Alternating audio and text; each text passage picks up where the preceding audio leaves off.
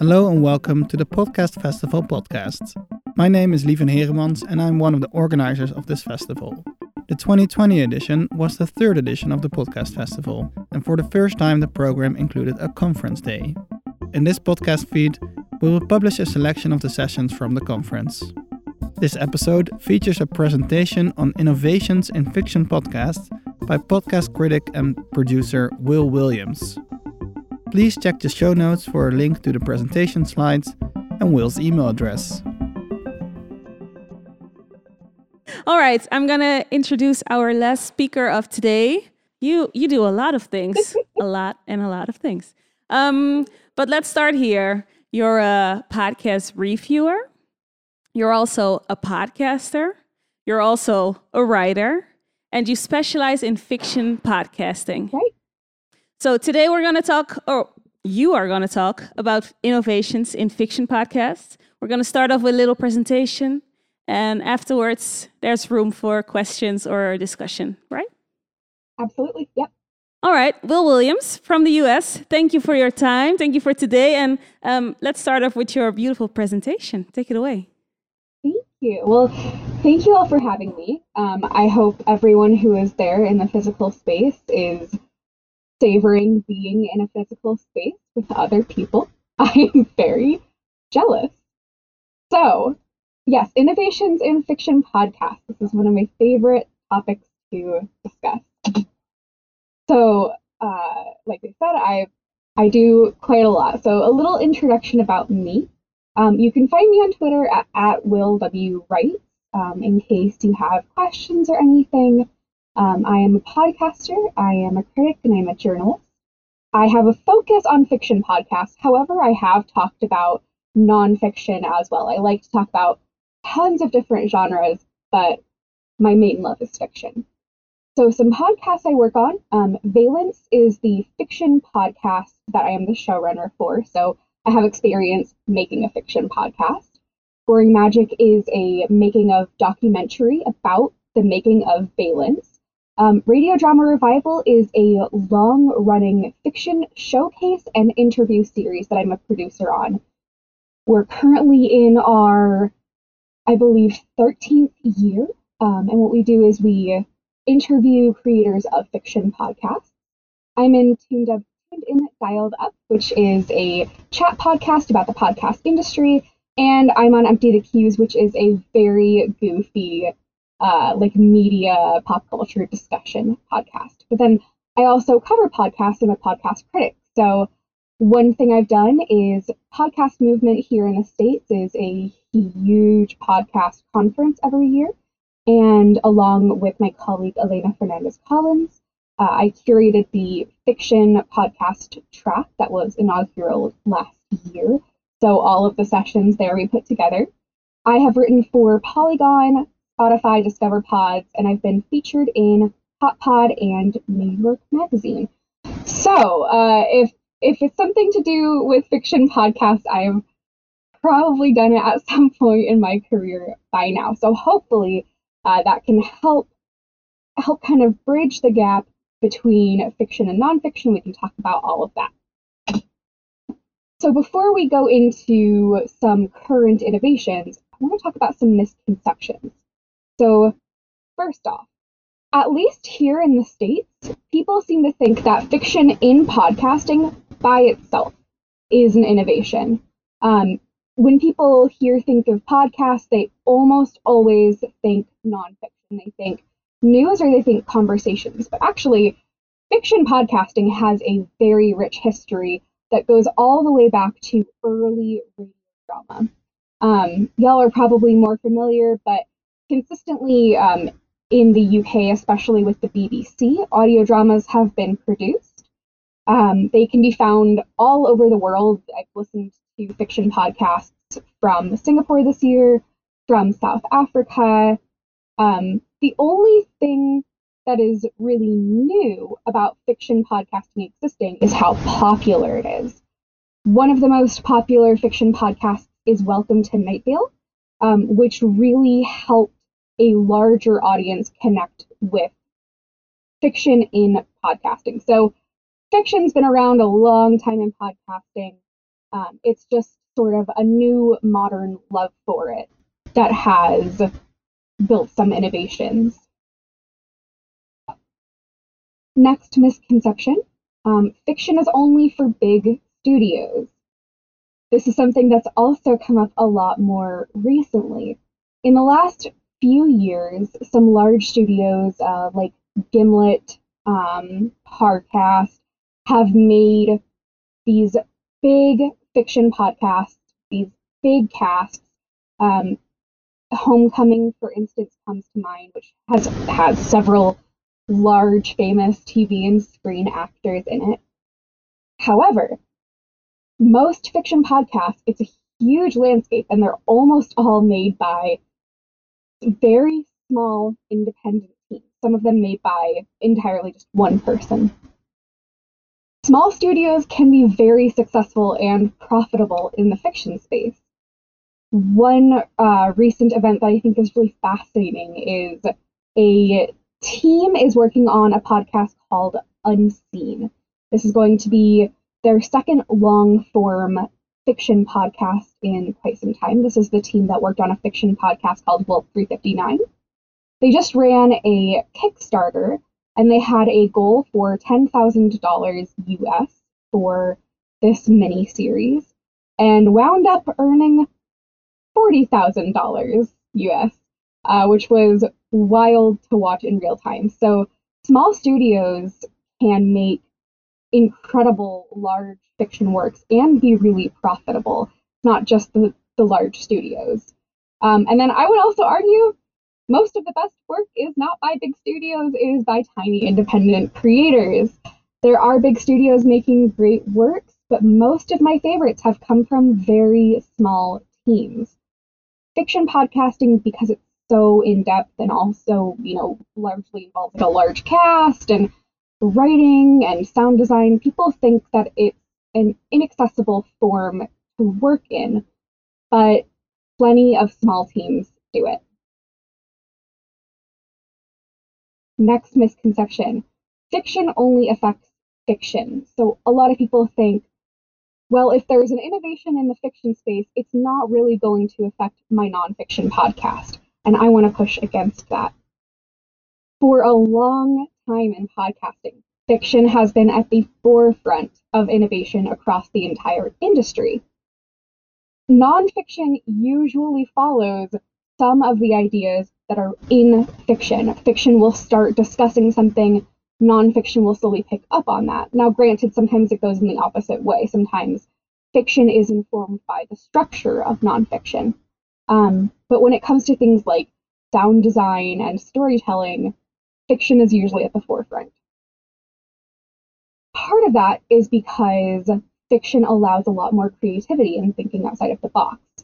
Part of that is also because of the way that you convey a story. So in fiction, sound design, storytelling, script, and narration are things that you have to pay attention to so closely because you don't have a true life story to to hook your listeners. And all of those principles are sort of genre and form agnostic. Sound design that works well in a fiction podcast can work well in a nonfiction podcast. And then on top of that, intra industry innovation affects inter industry production. Fiction uh, has been one of the biggest sectors in podcasts that has been tapped for uh, the purchase of uh, intellectual property for Hollywood adaptation, which we'll talk about a little bit more in a bit. Um, and because fiction has been tapped so much, that's affected a lot of the ways that money flows, at least again here in the States, regardless of genre. Those are some misconceptions about fiction podcasting, but now I want to talk about some things that have been incredible innovations that have made me very excited. So, innovation number one is stretching sound design. We've got two examples here for you A World Where and Time Storm. Both of these podcasts do very interesting things with their sound design for very different reasons. So, first, A World Where is a surreal sci-fi podcast. It's kind of like Black Mirror. Um, it definitely varies in tone. It's an anthology series, and what's amazing is that it uses binaural sound. Um, if you haven't worked with binaural sound before, essentially it uses uh, very fancy mics to have the sound in your headphones in different locations almost around your head. So people talk about fiction being immersive, and this takes it to a completely different level. It's like the producers were putting on a play and just drop you in the middle of it. Now, because it is a sci fi horror podcast, uh, that's often terrifying. it's deeply unsettling, um, which I am a fan of. I am a, a big fan of horror, but it uses that for the the atmosphere and the tension instead of it just relying on the storytelling to really put you in the situation and make you think critically about the themes that are being discussed. It physically puts you in that space by placing the sound around your head. Um, and this is something that I've seen a little bit, a little bit in nonfiction, but not quite as much.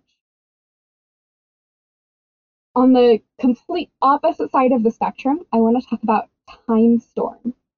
So, Time Storm is a kids podcast by Trax. Um, it uses realistic sound and sci fi effects, and it uses sound design for reeling in and hooking an audience. So, on one end, we have this Black Mirror esque terrifying fiction podcast. On the other, we have a podcast that uses sound design to try to keep kids interested. So, Time Storm is about a family that time travels um, through various unique circumstances. And it blends very realistic, sort of humble sound design um, with kind of over the top sci fi effects. So, what you get is sound design that goes from um, very intimate to sort of larger set pieces. And one of the reasons it does this is just to convey the story. But another reason is to keep the attention span of the kids who are listening and make sure that they are always reeled into the story. And also, after the presentation, I'll have my email available if you want these slides. I'm going to be talking about six different podcasts as we go, all of which you should subscribe to and listen to. Um, but don't think that you have to remember all of these podcasts as we go. So let's talk about how you can use innovations found in podcasts like these in your own works. So, like I said, sound design is genre agnostic. Design almost always helps your podcast convey what it needs to convey. Some examples of sound design in nonfiction podcasts that I think are really great are Radio Lab, which is a you know fairly traditional NPR style podcast that often uses sound design to add a level of texture to interviews and to discussions about whatever story is being dissected. Um, another that I think is a really fun example is a podcast called Beach Too Sandy, Water Too Wet, which is a comedy podcast in which the hosts read terrible reviews of, of different businesses and places. Um, and it uses sound design to put uh, very silly music and effects underneath when they're narrating, and it's hilarious. So sound design isn't just used for uh, for creating an immersive experience in drama. It can also be used in great ways for comedy. But when talking about sound design, you really have to know your audience. So in A World Where versus Time Storm, we have a horror show versus a kids show when you know your audience, it isn't just about thinking about how, for instance, a world where we'll have much more dissonant sounds than Time Storm. Um, it's also about the the frequency of sound design assets. Um, you might need a bit grabbier assets a bit more often and something meant for kids than you would need in a very slow build horror. Um, fiction and nonfiction also necessitate different types of sound design.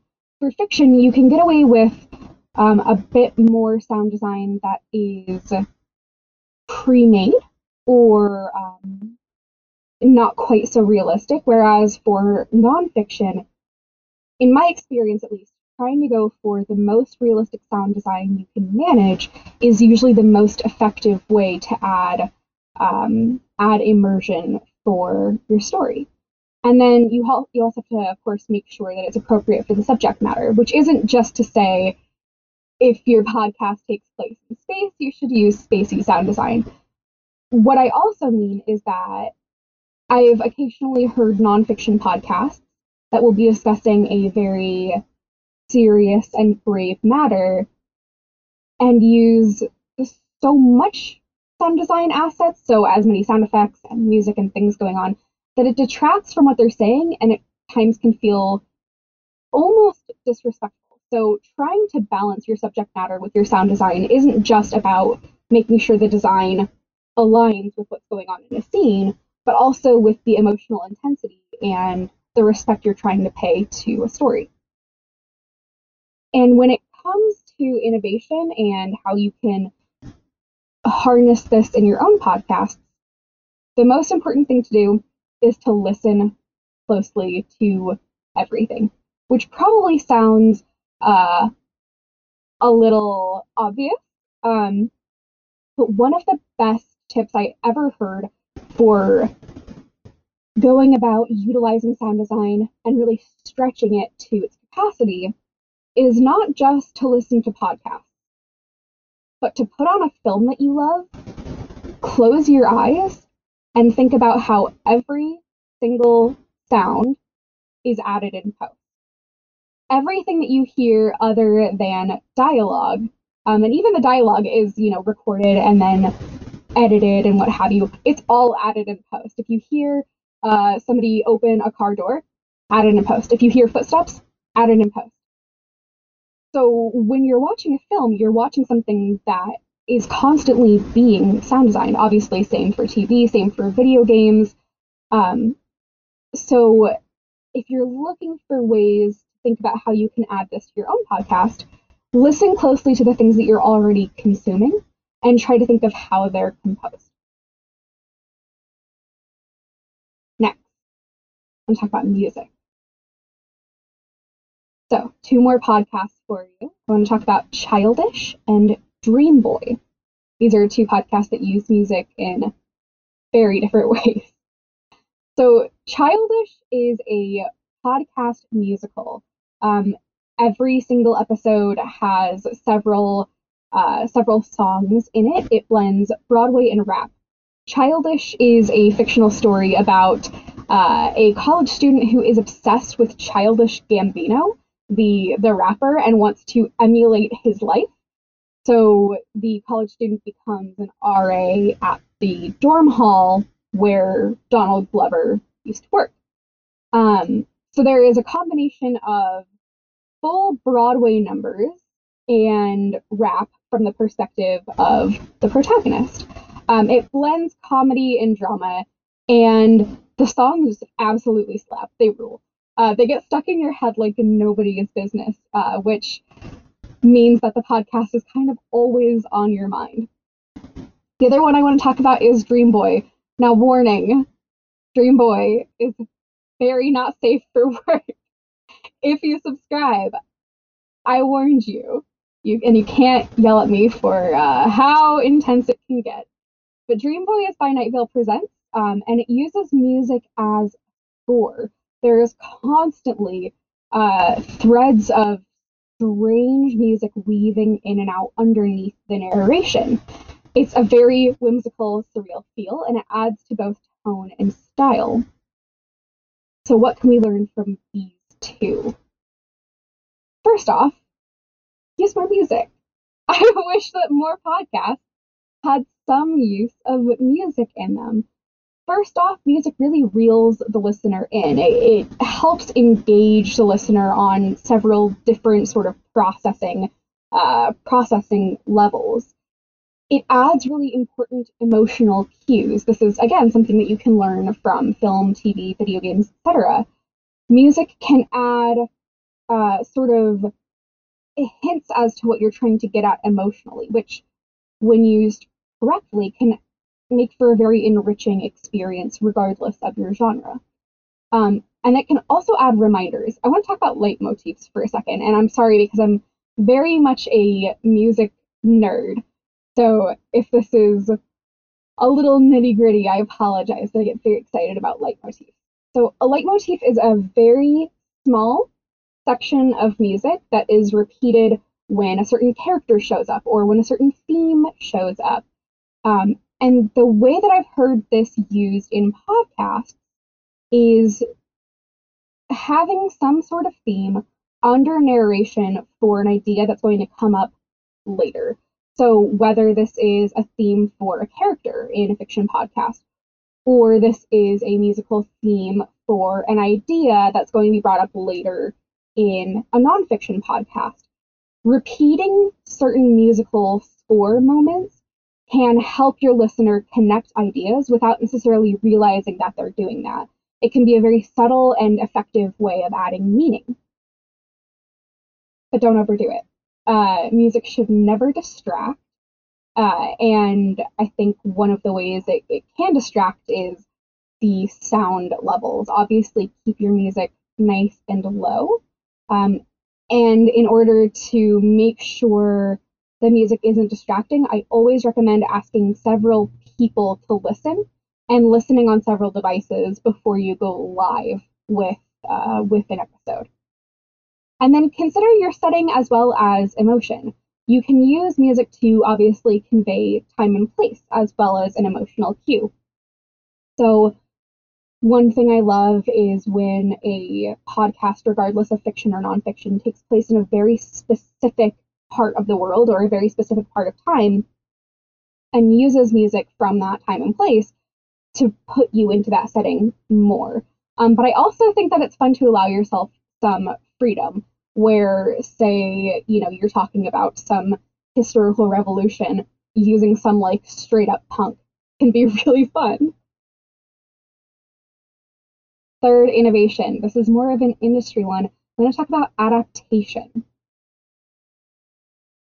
So here are two more podcasts, um, and these have been adapted into different media. So the first is Limetown, the second is The Bright Sessions. There have been a few fiction podcasts that have been adapted to TV shows. I would talk about Homecoming, which is the Amazon Prime adaptation of the podcast of the same name, but I think it's I think it's kind of boring. I think it's not as fun uh, a show to talk about. So I'm talking about Limetown. Limetown was adapted into a Facebook Watch show. Um, it was free for people to watch on Facebook. And Limetown is a very strange science fiction podcast. What I think is so interesting about the adaptation is that the way that the podcast works is that each episode talks about a very specific character. Each one is a character interview. What I like about the adaptation for the Facebook show is that it gives us those those character interviews, but those last about half an hour and the episodes are about an hour. The rest of that hour is sort of everything that we didn't hear in the podcast. We get to hear the other characters talk about the interviews. We get to see what they're doing behind the scenes. So there was something that was really added by adapting it into a form where we could break away from the format of the podcast. The the increased time allowed a lot more character development, which was very hit or miss in the show, but conceptually conceptually I liked it. The problem is that Limetown had a very weak visual language, and this is something that I think won't be too surprising that sometimes when you make a podcast and you're not thinking about the visuals, if you adapt it into a visual medium, those don't always translate. And I think that part of that is because the creators have worked in documentary spaces before, but haven't really worked in uh, fiction TV before. And it seems like there's a little bit of a disconnect there. Meanwhile, The Bright Sessions has been adapted into a series of novels. Um, so, The Bright Sessions is a wonderful young adult fiction series um, about people with superhuman abilities, but it's a very it's a very human, intimate story, and it's being again adapted into three different novels. Uh, it's not a series; they're individual novels. It's been optioned for TV, and what it does is it takes the audience from the third person perspective of the characters in the podcast and it puts it into a first person perspective.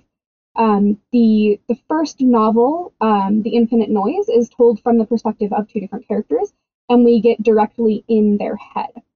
What I think works so well about this adaptation is that it has such a strong written language. Lauren Shippen, the creator and writer, comes from a fiction writing background first. She she's written in prose long before she ever wrote for audio, which means that the skills really translate and it's a beautiful adaptation.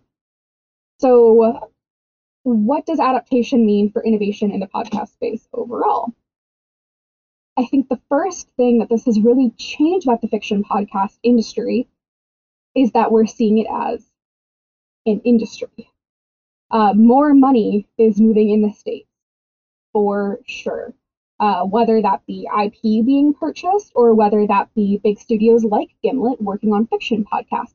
It's becoming a much more uh, lucrative and financed part of the podcast industry. Um, I also, now granted, I don't know how much this is just going to apply to the States. I don't know about IP law anywhere else in the world, but I always recommend um, thinking about intellectual property and thinking about lawyers uh, and paperwork just because when we see more money hidden industry um, i just i like creators to know their rights. So i think a lot more people are thinking about lawyers and i recommend that everyone do. I think what's also important is to think about what adaptations you would want for your podcast. Now of course most podcasts won't be adapted into another medium most won't have the rights purchased, etc. But I think that it strengthens the way that you think about your own podcast, again, regardless of genre. So think about what your podcast is suited for. If it were going to be uh, adapted, how would it be adapted? How much of the IP would you want to own? And then I also think that this is important when we talk about discoverability and saturation. So, with more big money podcasts being made, um, it can be difficult for the indie podcast to stand out. So this is a good time to think about what makes your podcast unique. How does your indie podcast stand out? How is it being found by listeners? How effective is your marketing? When you have huge studios competing in the space that you work in, you have to be really clever about how you go about finding your audience. Want to talk about one last misconception here, um, and then we can get to Q and A. Is the misconception that the only good podcasts are podcasts that are very innovative. One person I, I think is speaking about this in a very interesting way is Shanae Howard, who you can find on Twitter at Hey Shanae. Um, Shanae Howard created a fiction podcast called Fan Wars The Empire Claps Back. It is about uh, two Star Wars fans coming from opposite sides of a debate and finding love. It is delightful. And Shanae talks often about how not every piece of art needs to be something massively innovative, to be something incredible. Um, podcasts can be good, worthwhile, and important without making a huge stride. Um, and then sometimes creating at all is innovative. I think this is especially true for marginalized voices who take up a lot of the fiction podcast space. So many fiction podcasters, again, at least here in the States, come from you know marginalized backgrounds and demographics who don't necessarily have the opportunities to work in spaces like film and TV. And in cases like that, I would argue that even creating something is an innovation.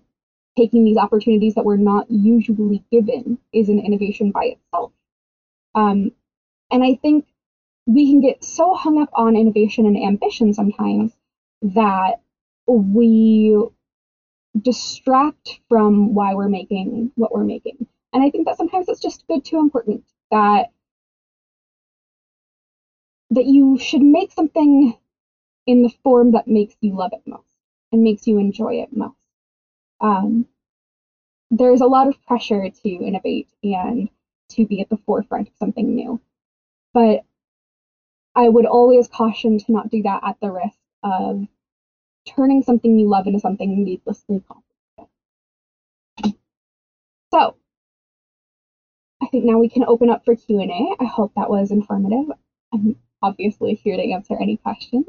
And uh, here's my email. If you want me to, if you want me to send the slides to you, just shoot me a quick little email. It can be super casual, it doesn't matter. Um, and I'll be happy to send these to you. But I will open up the floor for questions. Thank you.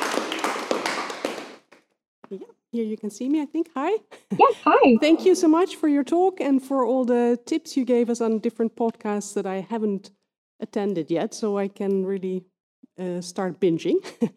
um, uh, a question I would have is um, what, what kind of genres do you see uh, emerge next to, let's say, the more popular genres like crime? You see a lot of crime in fiction as well as non-fiction fiction podcasts. So, what kind of trends do you see in other genres? Seen, like you said, like a lot of things that are positioned as as true crime. We see a lot of horror. But what I'm noticing right now is more sitcoms. And I love this. So the biggest sitcom uh, fiction podcast I can think of is Wooden Overcoats um, out of the UK, which is delightful. Um, it is about two warring funeral home directors. It is so goofy and over the top. Um, but that was really the only one we saw for a long time. But now, more and more, we're seeing more fiction podcasts that are less um, like huge, big genres, less sci fi, again, less horror, and more just these sweet, funny, intimate stories. I think people were really afraid to do comedy and very like realistic fiction and podcasts for a long time, but we're seeing this more now. Shanae Howard, actually, who I referenced on an earlier slide, is working with uh, the creator of the Bright Sessions, which I referenced on an earlier slide, to make a new upcoming rom com um, that I'm very excited for. So I definitely think uh, the next big genre that we're going to see emerging more is sitcoms and rom coms. Sitcoms and rom coms, right? That's, yep. that's what you said. Okay, thank you. Yeah. You're welcome. Thank you. Also, uh, thank you so much for your uh, talk. Um, can you tell us a bit about the budget of drama, audio drama, podcast drama in uh, in the UK uh, or America? Absolutely. So, budgets can vary widely. We have everything from uh, podcasts that are done entirely by one person. So, um, a good one, and I can add this to. Let me write a little note here. I'll add this to the slides so that you can make sure you can check it out. There's a podcast called Vega, and it is a single narrator. Uh, it's written by one person. It, it used to be edited by one person, and I believe that the creator, uh, Ivuoma Okoro, I think that she just made it herself with whatever mic she had, and she just went for it, you know.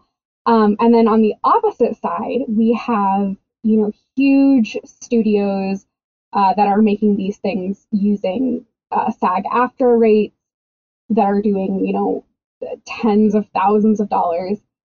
But what I can say um, is so my podcast, Valence, um, we made the first season for about $4,500 US, so like 4,500, um, which I have no idea how uh, how that converts. But I will say that uh, for us, the largest part of the budget went towards editing and sound design.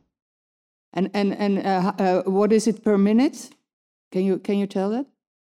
I actually, you know, I'm not sure. I can say that for our first season, our sound designer charged $250 US per episode, and our episodes are about half an hour long. Thank you very much. You're welcome. I want to thank you for your time. Thank you for joining Thank us you. all the way in Amsterdam. Um, if you guys have any questions towards Will, write down her email address. You can email her. I yeah, that's what you said. That's what you told Feel us. free. So- Yep. thank you so much, and um, Thank you. hope to meet you in the Twitterverse somewhere. Thank you all. Bye bye. Bye. Podcast Festival 2020 is an initiative from the Dutch Podcast Network and made possible by the Creative Industries Fund NL, the Democracy and Media Foundation, the Dutch Journalism Fund, the Dutch National Fund for the Visually Impaired, and the Dutch Catholic Fund for the Visually Impaired, the Dutch Institute for Sound and Vision, Hindenburg, Topcast Media, and in cooperation with Tolhuistuin, Domino Sound, Potgrond, Wintertuin en Nieuwe Oost, Radio Dakhaas, One World Magazine, VPRO-gids, Podnews, Dag en Nacht Media, Women Inc. and Riverside.fm. The tune was programmed by Hai Krane. Go to podcastfestival.nl to listen back to more sessions from the festival.